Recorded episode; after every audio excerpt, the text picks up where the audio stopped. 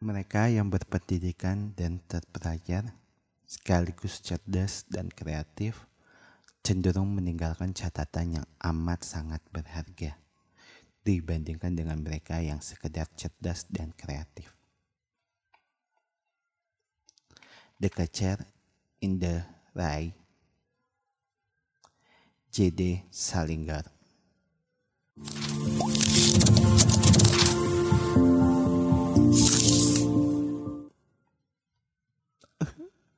Aduh, aku maaf banget kalau misalnya pengucapan bahasa Inggrisku jelek karena aku memang nggak terlalu jago dan pasti untuk bahasa Inggris. Jadi maafkanlah kalau misalnya belibet dan salah-salah. Semoga dimaafkan. Jadi ini uh, salah satu buku terjemahan uh, yang kayaknya nggak banyak orang yang tahu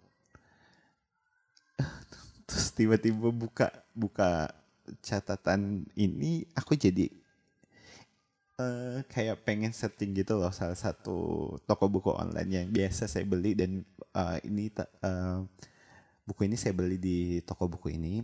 Uh, emang dia lebih banyak ngejual buku-buku yang indie indie kayak gitu bukan dari penerbit-penerbit yang uh, gede sebetulnya.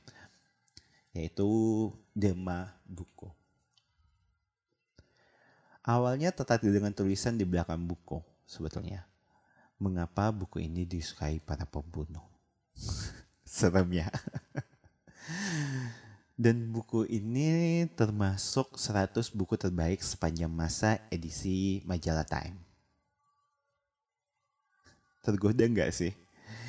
Itulah itulah hal yang menggoda saya untuk membeli bukunya. Ditambah lagi sampulnya yang sangat sederhana.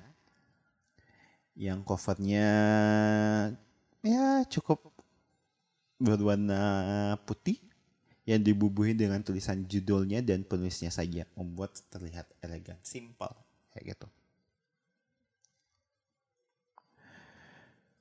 Tulisannya sebetulnya menarik seputar mengenai kehidupan remaja yang dimulai dari dikeluarkannya dia dari sebuah sekolah sehingga akhirnya dia membuat keputusan untuk kehidupan selanjutnya. Menarik, menariknya, tulisan ini mengisahkan si toko dalam beberapa hari. Kegiatan yang dilakukan apa saja dan apa yang dipikirkannya. Bahasanya sangat ringan, ringan tapi terkadang ada bahasa yang ha, saya harus baca berulang-ulang tidak tahu sih ini sebetulnya akibat dari tulisannya atau akibat terjemahannya yang kurang pas. Jadi sebetulnya kendalanya adalah ketika uh, membaca buku terjemahan itu agak riskan sih sebetulnya karena ada beberapa uh, penerjemah atau apa gitu. Terjemahannya biasanya nggak kurang kita kurang kita bisa tangkap. Itu yang jadi pertanyaan sih buat saya sendiri di buku ini. Kayak terjemahannya udah betul atau enggak kayak gitu. Mau baca buku aslinya aduh pasti ini bahasanya berat-berat banget. Tapi nggak mungkin ya udahlah bacain terjemahannya ya diulang-ulang lagi aja untuk tahu apa sih maksudnya. Oke kisah remaja ini dialami remaja luar negeri ya. Untuk di Indonesia mungkin cuma beberapa remaja aja yang mengalaminya untuk dibaca remaja sebetulnya ini kurang pas ya karena agak karena di beberapa bagian ada adegan yang kurang pas untuk dibaca sama usia yang masih remaja. Harus ini kayaknya 18 plus sih yang untuk bacanya. Buku ini itu seperti buku harian si tokoh utama, bahkan di bagian akhirnya pun ia mengatakan hal tersebut, walaupun itu tidak tersirat secara langsung ya aku lebih senang kalau endingnya sebuah novel itu tidak mesti menjambarkan dengan jelas apa yang terjadi di akhirnya. Cukup ditutup dengan sederhana tapi maknanya dalam. Hal ini pun berlaku di buku kali ini. Jadi endingnya nggak memaparkan dengan jelas, oh harus ya endingnya begini-begini. Oh akhirnya si A ketemu si B, akhirnya dia kayak gimana kayak gitu bla bla bla. Enggak, dia cuma cek ngekat di situ ya udah itu jadi kayak tanda tanya sih sebetulnya. Ada beberapa pembaca yang suka ada juga yang nggak suka. Tapi menurutku itu adalah ending yang pas kayak gitu. Nggak usah diterjem dirinciin lagi biarkanlah endingnya itu jadi kayak membuat pembacanya berpikir oh ternyata yang dimaksud kayak gini kayak gitu sih. Aku lebih suka kayak gitu.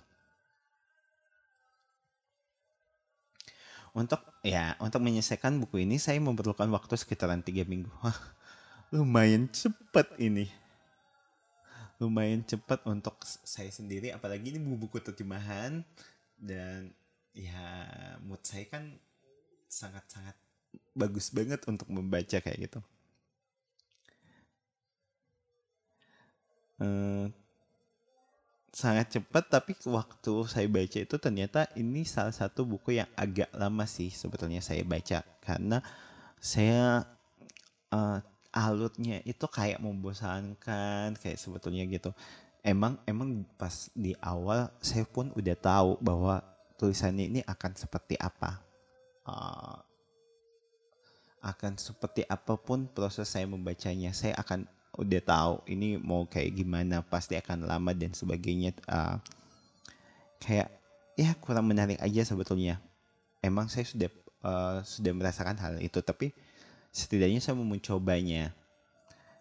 Uh, satu karena sebetulnya uh, menurut versi saya sebetulnya kenapa uh, ini kurang menarik karena satu tulisan ini sedikit membosankan. Dua tidak ada intrik yang membuat saya lebih tertarik kayak gitu sebetulnya. Uh, ada beberapa latar belakang uh, akan tindakan si tokoh utama ini tidak dijelaskan dengan baik sebetulnya. Yang membuat saya kayak aduh kok nggak dijelasin sih sehingga membuat saya bertanya-tanya eh, ini kayak gimana? Ini kayak gimana? Kayak gitu. Jadi ya sedikit kecewa sih juga. Karena sampai selesai pun aku baca aku tidak menemukan jawaban dari sebuah pertanyaan di sampul belakang buku ini mengapa buku ini disukai para pembunuh? Itu aku nggak tahu juga apakah karena ini lebih psikologis atau gimana sehingga saya tidak memahami maksud dari uh, tujuan uh, kenapa para pembuku suka baca buku ini. Atau memang saya bukan pembunuh jadi saya tidak menyukai buku ini kayak gitu. Jadi kayak aduh ini kayak gimana? Apakah saya harus jadi pembunuh untuk tahu seberapa bagusnya buku ini? Eh jangan dong. Nggak boleh jadi pembunuh. Ya cukup sekian cukup singkat sih um, uh, podcast keji kali ini. Karena sebetulnya saya juga tidak bisa berkata banyak soal buku ini. Kecuali ya tergoda di awal dengan uh, dengan uh, apa ekspektasinya bahwa ini 100 buku terbaik edisi majalah Time.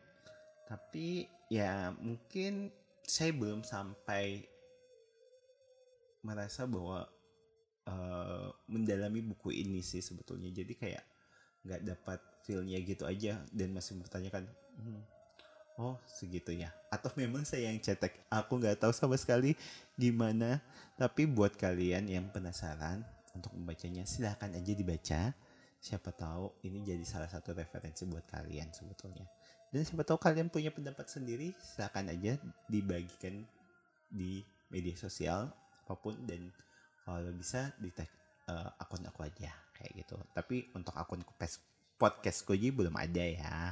Jadi sabar ke akunku sendiri yang apa ya namanya uh, Rahmat Edi.